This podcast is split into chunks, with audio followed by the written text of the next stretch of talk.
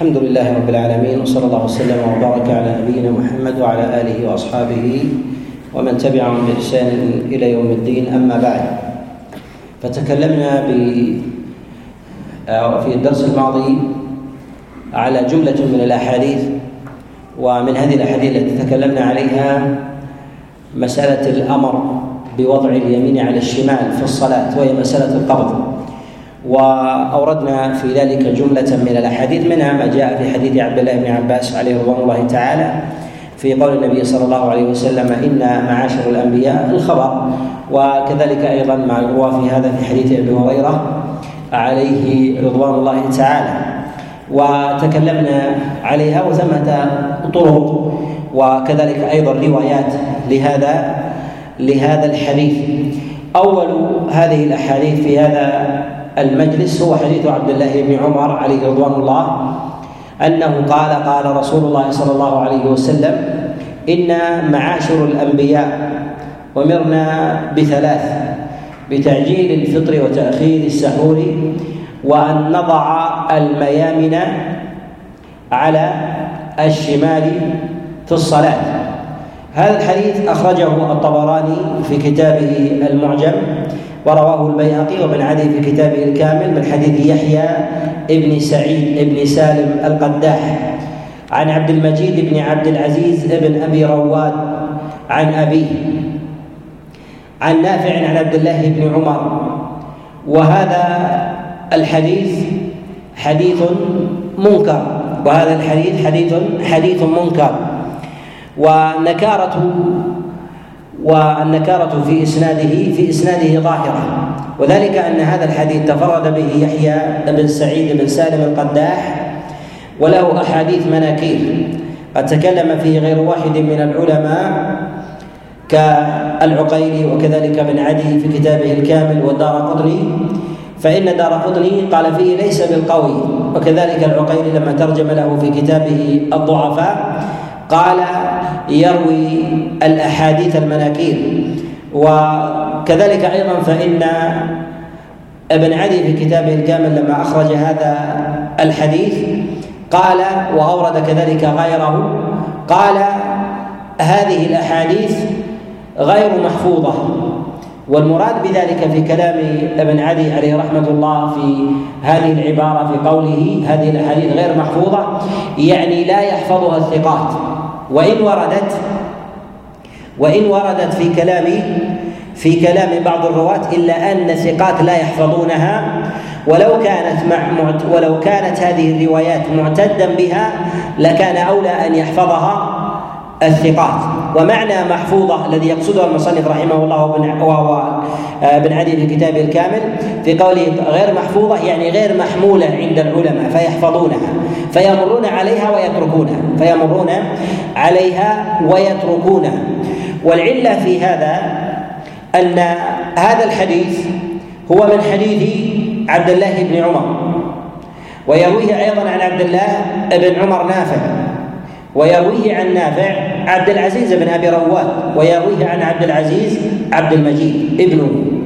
وهذا وهذا الإسناد الأولى أن لا يتفرد به أمثال يحيى بن سعيد القداح يحيى بن سعيد القداح وذلك لأن هذا الحديث من المعاني من المعاني الظاهرة من المعاني الظاهرة التي ينبغي أن يحملها من هو أولى بالرواية من أصحاب نافع.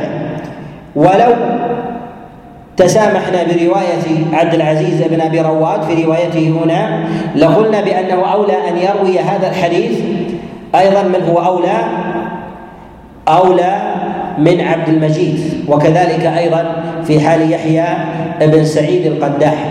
وعبد المجيد بن عبد العزيز وأبوه صالحان من جهة الرواية.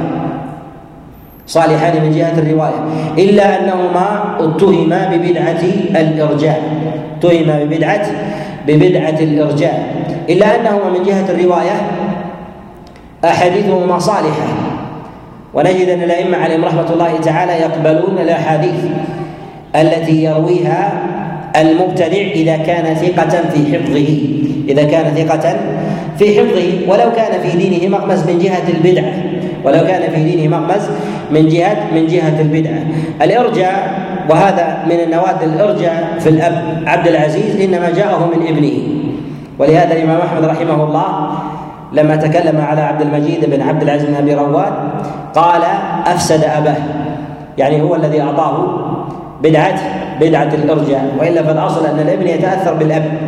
وقال غير واحد قال ما زال صالحا حتى جاء وظهر أمر ابنه. فقال بقوله فقال بقول ابنه والإرجاء هنا من البدع وهي على مراتب. ولكن البدعة التي يوصف فيها الإرجاء في الرواة. الأصل فيها أنها ليست بدعة ليست بدعة مكفرة ليست بدعة مكفرة. والعلماء عليهم رحمة الله في الرواية عن المبتدع يقبلونها إذا كان ثقة في ذاته من جهة الحفظ. من جهه الحفظ وليس معروفا بالكذب فيقبلون الرواية.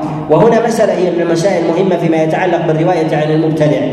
الرواية عن المبتدع إذا أراد الإنسان أن يضبطها وأن يضبط أيضا نظائرها من المسائل أن ينظر إلى طرائق العلماء من جهة العمل وأقوالهم أيضا من جهة الحكم فلا بد من النظر حتى تفهم هذه المسألة إلى جهتين.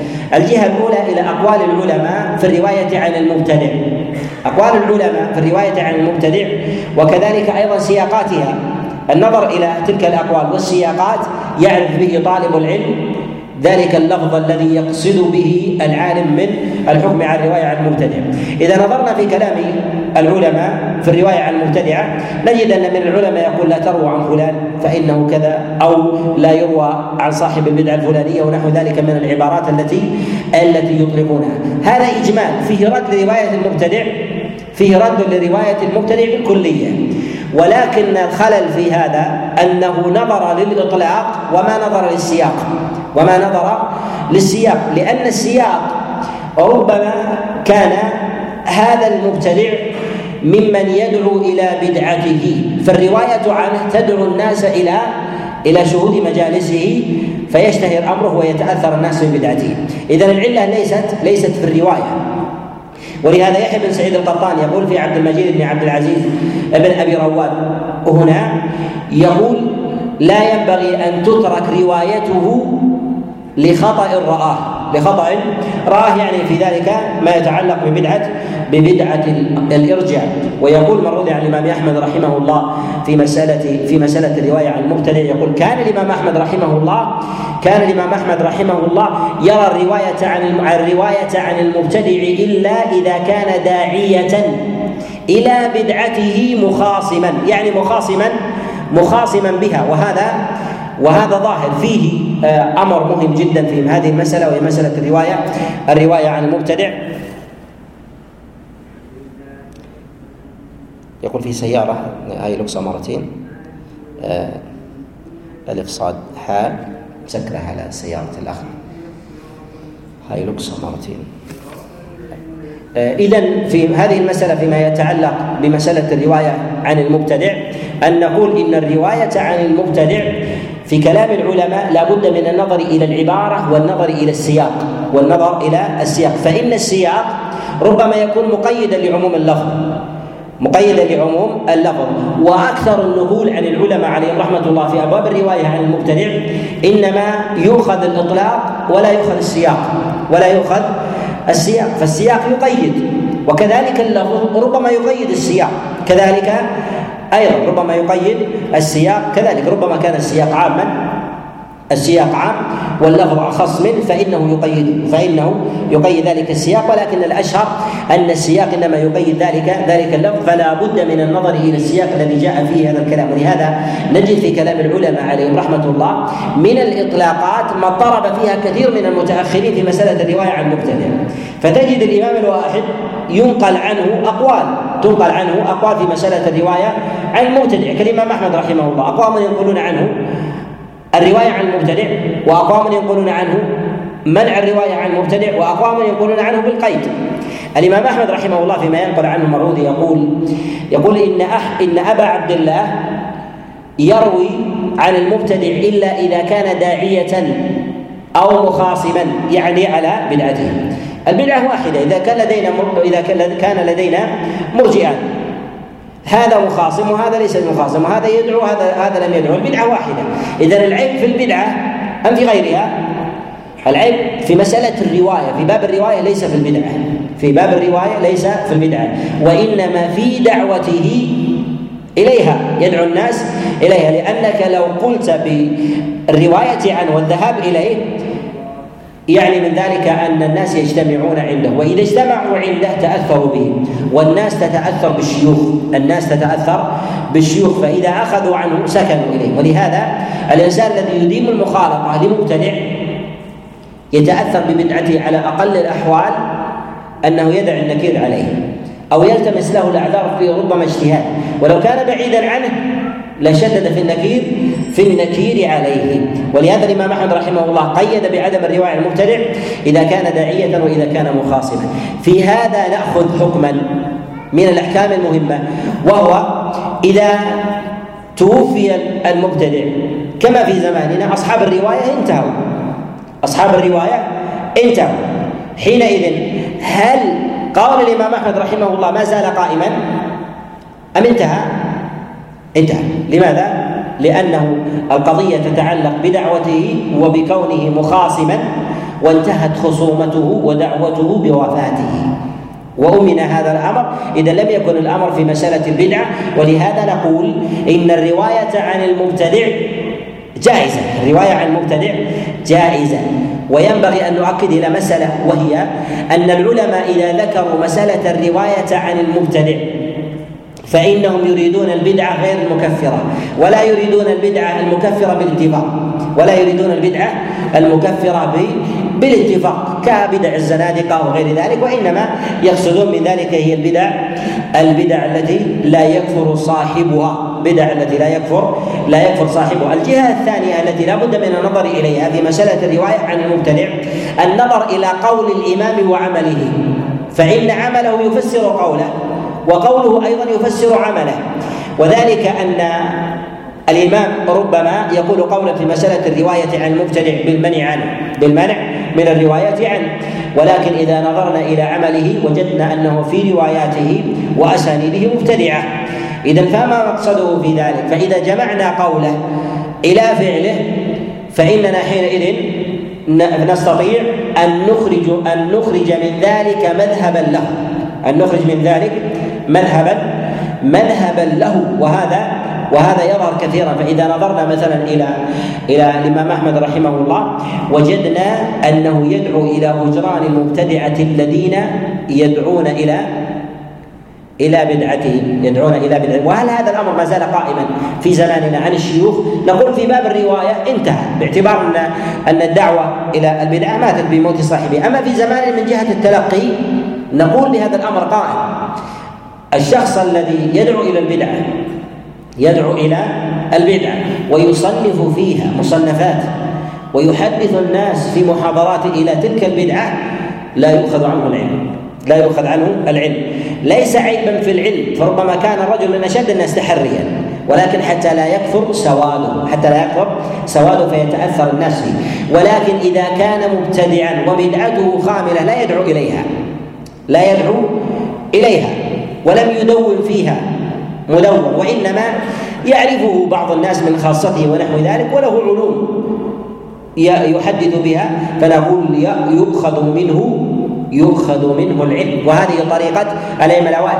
ولهذا إذا أردنا أن ننظر إلى كلام العلماء عليهم رحمة الله في مسألة الرواية عن عن المبتدع نجد أنهم يتفقون يتفقون على أن البدعة ليست سببا في رد رواية المبتدع بعينها وإنما الأمر خارج خارج عنها وذلك في كثير من كثير من المسائل منهم من يقيد ذلك في الدعوة إلى إلى البدعة ومنهم من يقيد ذلك في مسألة المخاصمة والمجادلة ونحو ذلك وغير ذلك من الأمور التي يقيد فيها العلماء والمتأخرون. إنما طربوا في هذا الباب للخلل الذي لم ينظروا فيه إلى الجهتين وهي الجهة النظر إلى القول بسياقه الجهة الثانية النظر إلى أفعال العلماء به مع أقوالهم وجمعها فإنه يتبين يتبين مذهب ذلك ذلك الإمام يتبين ذلك مذهب ذلك الإمام أما يأخذ إطلاقات عن أحمد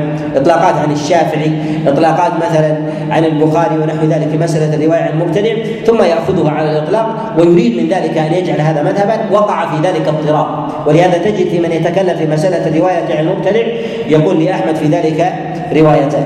و وثمة وهذا أحد قولي الإمام وإنما قوله واحد. قوله واحد لو لو جمعت هذه الأقوال فإنه يخرج من ذلك قولا في هذا ولهذا نقول إن عبد المجيد ابن عبد العزيز بن أبي رواد ولو وصف هو وأبوه بالارجاء فإن حديثهما من جهة الأصل القبول لو كانت العلة فيهما. وأما فالعلة في غيرهما وهي في يحيى بن سعيد بن سالم القداح وذلك في تفرده في هذا في هذا الحديث بتفرده في هذا الحديث ولهذا نقول بعدم بعدم آه، صحة هذا الحديث بل بل نقول بنكارته. وقد أخرج البخاري ومسلم في صحيحيهما لبعض الرواة الذين وصفوا بالبدعة لبعض الرواة الذين وصفوا بالبدعة وذلك كبدعة التشيع التشيع الخفيف وليس الرفض وكذلك في بدعة الإرجاء وكذلك القدر وهم رواة ليسوا ليسوا بالكثير ولكن يدل هذا على الأصل الذي تكلمنا تكلمنا عليه. الحديث الثاني في هذا هو حديث عبد الله بن عباس عليه رضوان الله. وهو بنحو حديث عبد الله بن عمر قال إن معاشر الأنبياء أمرنا أن نعجل الفطر وأن نؤخر السحور وأن نضع الميامن على شمائلنا في في الصلاة.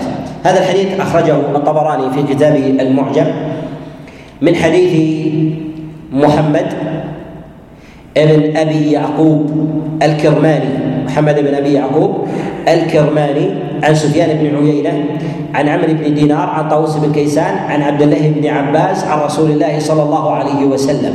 عن رسول الله صلى الله عليه وسلم. ويرويه عن محمد ابن أبي يعقوب الكرماني العباس بن محمد المجاشعي. رواه الطبراني عنه وهو شيخ الطبراني في هذا في هذا الحديث. هذا الحديث حديث منكر هذا الحديث حديث منكر. وينبغي التنبه إلى بعض العلل التي سنريدها في هذا الحديث. ومدعى التنبه في ذلك أن ظاهر الإسناد الصحة والسلامة. ظاهر الإسناد الصحة والسلامة.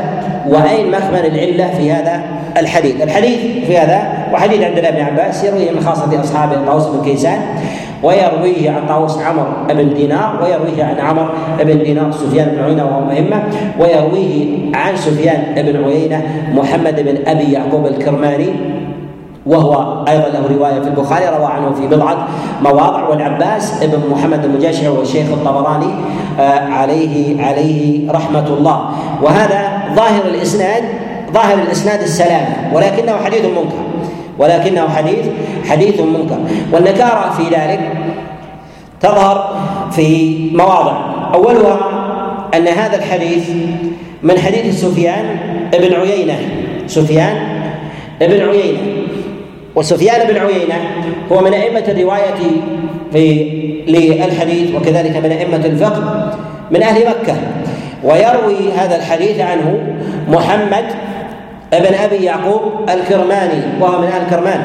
وحديثه في هذا حديث له قيمته وحديثه في هذا حديث له له قيمته خاصة أنه يتضمن الأمر بالأمر بالقبض الأمر بالقبض ومعلوم خلاف العلماء عليهم رحمة الله في قبض الميامن على على الشمائل في في الصلاة في مسألة الاستحباب ومسألة الوجوب والرواية المعروفة المنقولة عن الإمام مالك رحمه الله وخلاف المالكية في هذا في مسألة القبض وعامة المالكية متأخرين على وعلى آه، القبض ما عليه عامة السلف في هذا في هذا الباب. هذه الرواية هي منكرة لتفرد محمد بن أبي يعقوب الكرماني في هذا الحديث في هذا الحديث. الكرماني ثقة وثقه يحيى بن معين ووثقه كذلك الدار قطني ووثقه كذلك الدار قطني. هو قليل الرواية ولهذا حكم عليه بعض الأئمة بالجهالة. ولكنه ولكنه معروف مع مع قلة قلة روايته. العلة الثانية في هذا أنه تفرد عنه بهذه الرواية العباس بن محمد المجاشعي. تفرد عن محمد بن يعقوب في هذا الحديث وإن كان تفرد الكرماني في هذا الحديث كاف في ذلك. وتفرده أيضا نكارة أخرى. وتفرده كذلك أيضا نكاره نكارة أخرى لهذا لهذا لهذا الحديث. محمد بن أبي يعقوب الكرماني ونسبة إلى كرمان وكرمان بكسر الكاف. ومن اللطائف الكرماني شارح البخاري لما مر على أحد الروايات التي أخرج فيها البخاري في آه، هذا الحديث اللي يرويه الكرماني. قل محمد بن حدثنا محمد بن يعقوب الكرماني قال حدثنا حسان بن إبراهيم. نقل قولا لأحدهم قال الكرماني بالفتح وهي بلدنا بالكسر وأهل مكة أدرى بشعابها وأهل مكة أدرى بشعابها يعني كرماني وليست بالفتح. وقد قال بالفتح النووي النووي رحمه الله رحمه رحمه الله انها أنها الكرماني. والصواب في ذلك أنها بكسر بكسر الكاف الكرماني. والكرماني رحمه الله أخرج له البخاري بضعة أحاديث. أخرج له البخاري بضعة أحاديث. فلماذا لم نقبل حديثه هنا مع إخراج البخاري رحمه الله له؟ هنا ما ينبغي أن يتنبأ له وهو مسلك دقيق في أمور العلل ومعرفة الشرط البخاري رحمه الله وكذلك الإمام مسلم في الإخراج لبعض الرواة. ثمة أمور لا بد من النظر إليها في الراوي الذي يخرج له البخاري. وقبل النظر في آه، هذه هذه الأمور نقدم مقدمة أن الأصل فيما يخرج له البخاري ومسلم في كتابه كتابيهما الصحيح أنه تعديل. ومعنى تعديل هو معنى عام. ولكنه قد يكون هذا التعديل مطلق وقد يكون نسبي. قد يكون مطلق وقد يكون نسبي. ومعنى مطلق أي أنه ثقة في كل ما يروي لجلالته وإمامته لجلالته وإمامته. وهذا كسائر كسائر النقله والرواة الكبار كالسفيانين وشعبة ووكيع وغيرهم من من الرواة والنقلة سواء كانوا من طبقات متقدمة أو دون أو دون ذلك. ولكن أن هذا النسبي قد يضيق جدا قد يضيق جدا فلا تقبل إلا هذه الرواية منه. الذي أخرجها البخاري في هذا في هذا الموضع.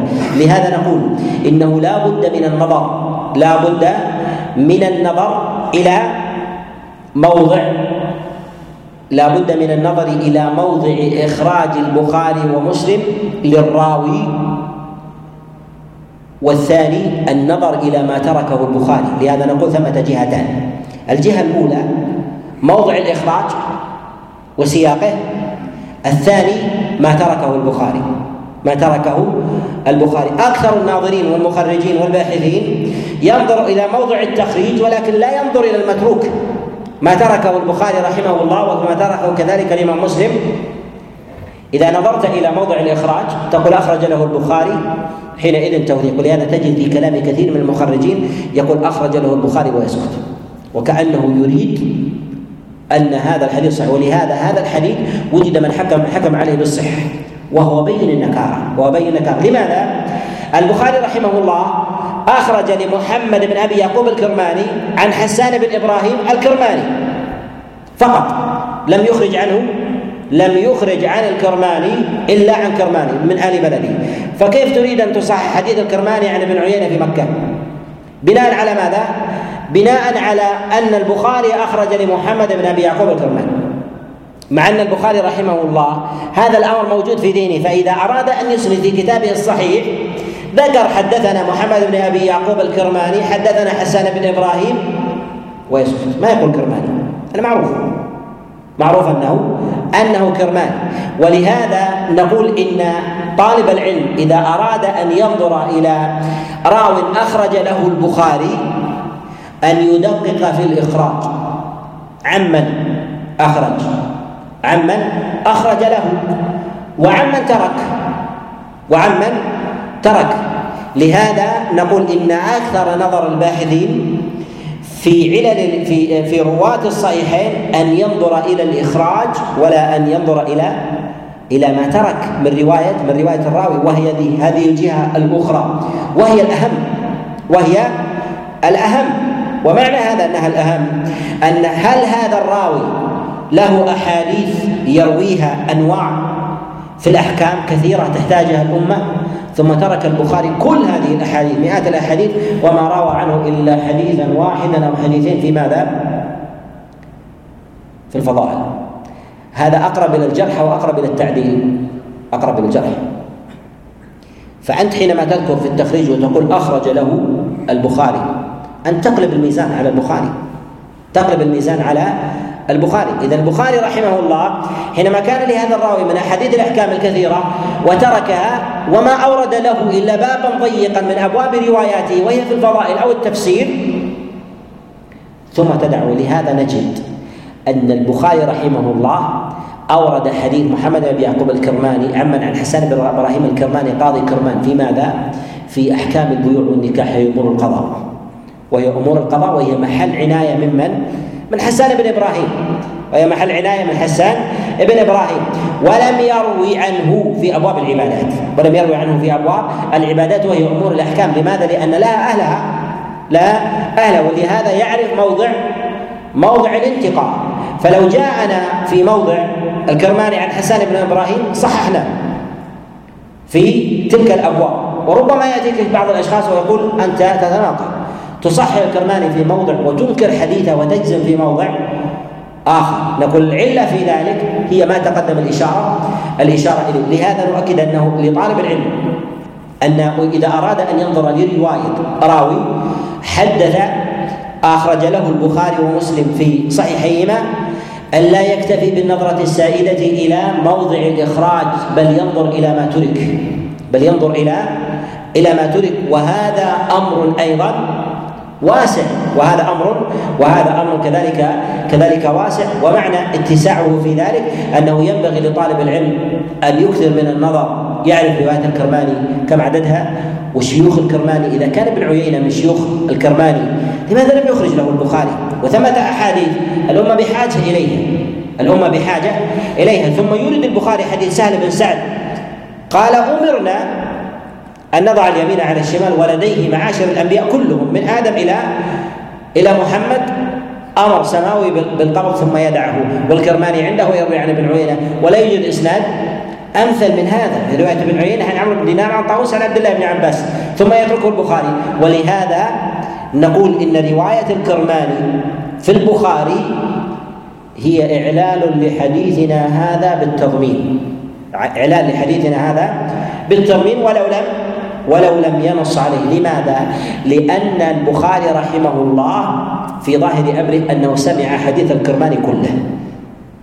وعرف وعرف ما ما لديه. ولهذا نقول إن البخاري رحمه الله وكذلك أيضا الإمام مسلم في إذا أخرج لراو من الرواة أن التوثيق يؤخذ كلما نوع البخاري بالإخراج للراوي فروى له الأحكام وروى له في الفضائل والسير وتعدد في الشيوخ فأكثر من الشيوخ بالرواية عنه وروى عنه بالتلاميذ متنوعة كأنه أخذ من جميع من جميع حال فهذا توثيق مطلق.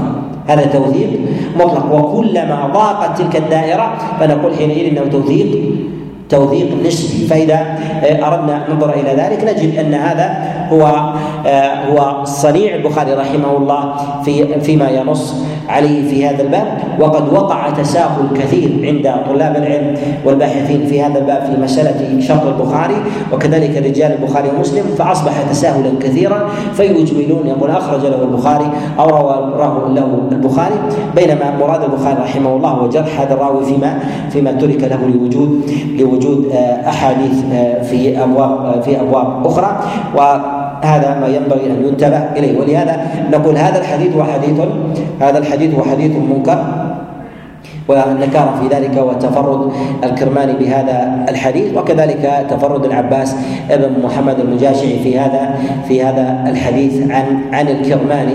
وكذلك أيضا فإن العباس ابن محمد وإن كان من شيوخ الطبراني والأصل في شيوخ الطبراني التوثيق إلا أنه لا تعرف له رواية إلا عن محمد بن يعقوب الكرماني إلا إلا عن محمد الكرماني في هذا وهذا نوع ستر وجهاله هذا نوع ستر وجهاله وكذلك أيضا فيه آه، فيه غرابة في مثل هذا. كذلك أيضا أن ابن عيينة سفيان من أئمة مكة لا يحدث المخلين بأحاديث ويدع المكثرين الملازمين له فالافاقيين الذين يأتون إلى مكة ثم ثم يذهبون أو يلتقون آه، بابن عيينة في المواسم أو ربما يلتقي بابن عيينة في خارج في خارج مكة. لا يحدثهم بأحاديث ويدع أصحابه الذين هم أقرب الناس إليه في مدد طويلة في مكة ثم لا يحدثهم ثم لا يحدثهم في في ذلك فنقول هذا أيضا أمارة وقرينة على قرينة على على الاعلان. الحديث الثالث في هذا هو حديث أبي هريرة عليه رضوان الله تعالى أنه قال صلى رسول الله صلى الله عليه وسلم وقرأ فلما قال غير المغضوب عليهم قال ولا الضالين قال آمين فقال الصف الأول من خلفه آمين فضج أو إن للمسجد لضجة أو لجة. هذا الحديث رواه ابن ماجه في كتابه السنن من حديث بشر بن رافع عن أبي عبد الله ابن عم أبي هريرة عن أبي هريرة عن رسول الله صلى الله عليه وسلم. وهذا الحديث معلول. هذا الحديث معلول بعلل. آه، أول هذه آه، العلل آه، ورواية بشر أبو الرافع لهذا الحديث وقد تفرد به من هذا من هذا الوجه. تفرد به من هذا الوجه. بشر بن رافع ضعفه الأئمة. ضعفه الإمام أحمد وأبو حاتم والنسائي ويحيى بن معين ووثقه ابن معين آه، في مرة إلا أنه إلا أن ضعفه مجتهد إلا أن ضعفه ضعفه مجتهد وتفرد بهذا الحديث من هذا الوجه تفرد بهذا الحديث من هذا من هذا الوجه. والعلة الأخرى في هذا هي رواية أبي عبد الله ابن عم أبي هريرة عن أبي هريرة وقد وصف بالجهالة وهو مستور جاء في من بعض الروايات آه، تسميته من وجه آه، آخر. ومن العلماء من سماه ولم يأتي في الرواية إلا أنه لا يخرج عن دائرة عن دائرة الستر لا يخرج عن دائرة دائرة الستر. وكذلك أيضا من علله أن هذا الحديث لو كان عند أبي هريرة وقد بقي آه، أبو هريرة بعد رسول الله صلى الله عليه وسلم زمنا طويلا وله أصحاب يأخذون مثل هذه المرويات عنه لرواه لرووا هذا الحديث عنه لرووا هذا الحديث عنه. وفي قوله إنه رواه أبو عبد الله آه، ابن عم أبي هريرة عن أبي هريرة قد مثل هذه الجهالة ربما تختبر عند بعض العلماء وذلك للقرابة للقرابة ولقرينة أخرى أن هذه المسألة من المسائل التي جرى عليها العمل من المسائل التي جرى جرى عليها عليها العمل. ومعنى هذا أن قول الإمام آمين يجهر بذلك والمأمومون يجهرون كذلك والمأمومون يجهرون كذلك. ولكن هذه المسألة هي من المسائل الخلافية من من وجوه. الوجه الأول أن قول الإمام آمين هذا محل خلاف. قول الإمام آمين محل محل خلاف عند الفقهاء محل خلاف عند الفقهاء. المسألة الثانية في هذا أن جهر المأمومين بآمين محل خلاف محل خلاف. وعامة من يقول بهذا القول يقول إن المأموم يقول آمين لكن لا يجهر بها لا يجهر لا يجهر بها. ومن نظر في الأحاديث المروية عن النبي عليه الصلاة والسلام وجد ثبوت قول النبي آمين وهذا جاء في الصحيحين قول النبي عليه الصلاة والسلام آمين بعد قول غير المغضوب عليهم. وكذلك أيضا في قول المأمومين في قول المأمومين. ولكن الجهر في ذلك ظهر في الإمام وما ظهر في المأمومين بالنص ولكنه ظهر في العمل ظهر في العمل. ولهذا نجد أن الآن في المذاهب الفقهية خلاف المذاهب الفقهية خلاف في مسألة الجهر بآمين. ونجد آه، طوائف من الفقهاء كأهل الرأي وطوائف أيضا من الفقهاء من المالكية لا يجهرون لا يجهرون بآمين لا يجهرون بآمين وإنما يكون بينهم وبين أنفسهم. لماذا؟ أنهم يقولون الروايات ما ثبتت في هذا في الجهل بالمأموم. وإنما يقول آمين والأصل في, في أقوال الصلاة أن حتى لو قالها النبي عليه الصلاة والسلام الأصل فيها السر كالتسبيح بين بين في السجود والركوع وبين السجدتين وغير ذلك. يقول الاصل في هذا حتى يدل دليل على على خلاف. ولكن نقول إن الأحاديث الواردة في هذا المرفوعه ولو كانت معلولة في ضج الناس بآمين نقول إنما استفاض عملا إنما استفاض عملا عادة عادة لا تتداعى الهمم على نقله لا تتداعى الهمم على على نقله. وهذا ككثير من المسائل التي تستفيض ولا يحتاج الناس في ذلك إلى لا يحتاج الناس في ذلك إلى إلى نقلها. ولهذا نقول إن العمل بقي على ذلك عند السلف بقي على ذلك عند السلف. ولم يثبت عن أحد من الصحابة ولا عن أحد من التابعين في مسألة الإصرار بآمين في مسألة الإصرار بآمين في الصلاة الجهرية في مسألة الجهر بآمين في مسألة الإصرار بآمين في الصلاة في الصلاة الجهرية. وإنما هو قول نشأ بعد ذلك تمسكا بالروايات. فلما نظروا إلى حديث أبي هريرة هذا قالوا الحديث في هذا معلول وهو أصل وهو أظهر ما جاء في هذا أظهر ما جاء في هذا. الرواية التي جاءت فيها قول الإمام آمين وقول المأموم آمين أيضا. قول المأموم آمين. فإذا قال الإمام فإذا قال الإمام غير المغضوب عليهم ولا الضالين فقولوا آمين. فقولوا آمين. من يقول بهذا؟ يقول المأموم ولكن الإمام لا يقول. ومنهم من يقول يقول الإمام ولكن لا يجر بها. ومن قال المأموم اختلفوا في مسألة الجهر. والأمر يجري على العمل لا على النص. على العمل لا على لا على النص. وتارة يكون العمل أقوى من النص في الباب. أقوى من النص في هذا الباب. قد يقول قائل ما هو العمل؟ ما هو العمل في مسألة الجار بأبي؟ روى الشافعي في كتاب الأم عن عطاء بن أبي رباح قال أدركت الأئمة ابن الزبير فمن فوقه. إذا قالوا غير المغضوب عليهم ولا الضالين قالوا آمين فأمن الناس وإن للمسجد للجة يعني يضج المسجد.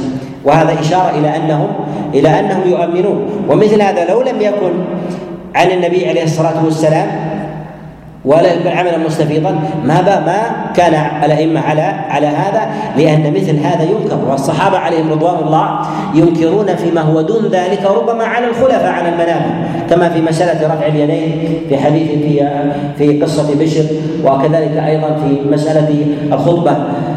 قبل الصلاة وغير ذلك وهي من المسائل وهي من المسائل العارضة. فكيف بعمل مستديم؟ كيف بعمل مستديم؟ وهذا يدل على أن العمل هو على هذا على هذا الأمر. جاء هذا الحديث وهو الحديث الرابع في مجلسنا وحديث أبي هريرة عليه رضوان الله تعالى أيضا وأن أنه قال أن النبي صلى الله عليه وسلم إذا قرأ غير المغضوب عليهم ولا الضالين قال قال آمين. قال قال آمين. هذا الحديث منهم من يحسنه. هذا الحديث رواه أبو داود في كتابه السنن من حديث الزبيدي عن الزهري وأبي سلمة عن أبي هريرة عن رسول الله صلى الله عليه وسلم.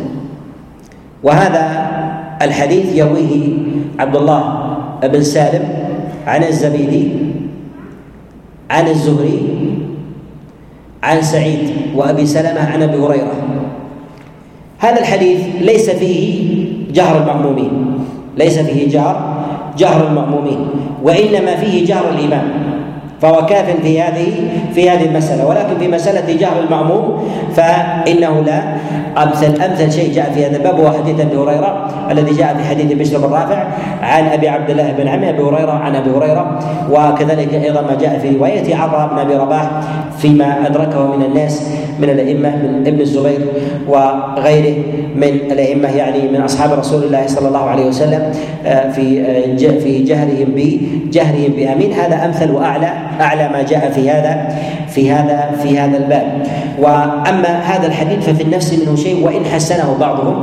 وذلك أن عبد الله بن سالم الذي يروي هذا الحديث هو شامي يروي عن الزبيدي عن الزهري والزهري من أئمة المدينة والرواية في هذا الباب. ومثل هذا الحديث يحمله عنه المدنيون مثل هذا الحديث يحمله عنه آه، المدنيون وله أثر أيضا في هذه المسألة خاصة إن هذه المسألة وهذا الخلاف جاء متاخرا وينبغي أن يحمله الكبار في مثل هذا. وثمة وجه أيضا آخر لقبوله أن مثل هذه هذه الروايات المسلمة أن هذه الرواية المسلمة عادة لا يحملها الكبار لأنها يجري عليها العمل فقد تغتفر من هذا من هذا الوجه.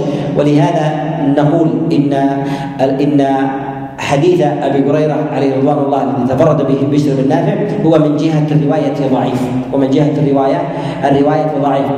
ولكن نقول إن العمل في ذلك ثابت عن الصحابة وثابت أيضا عن رسول الله عن رسول الله صلى الله عليه وسلم. يعضد هذا أنه جاء عن أبي هريرة نفسه جاء عن أبي هريرة نفسه أنه كان يجهر بآمين ويجهر الناس من خلفه.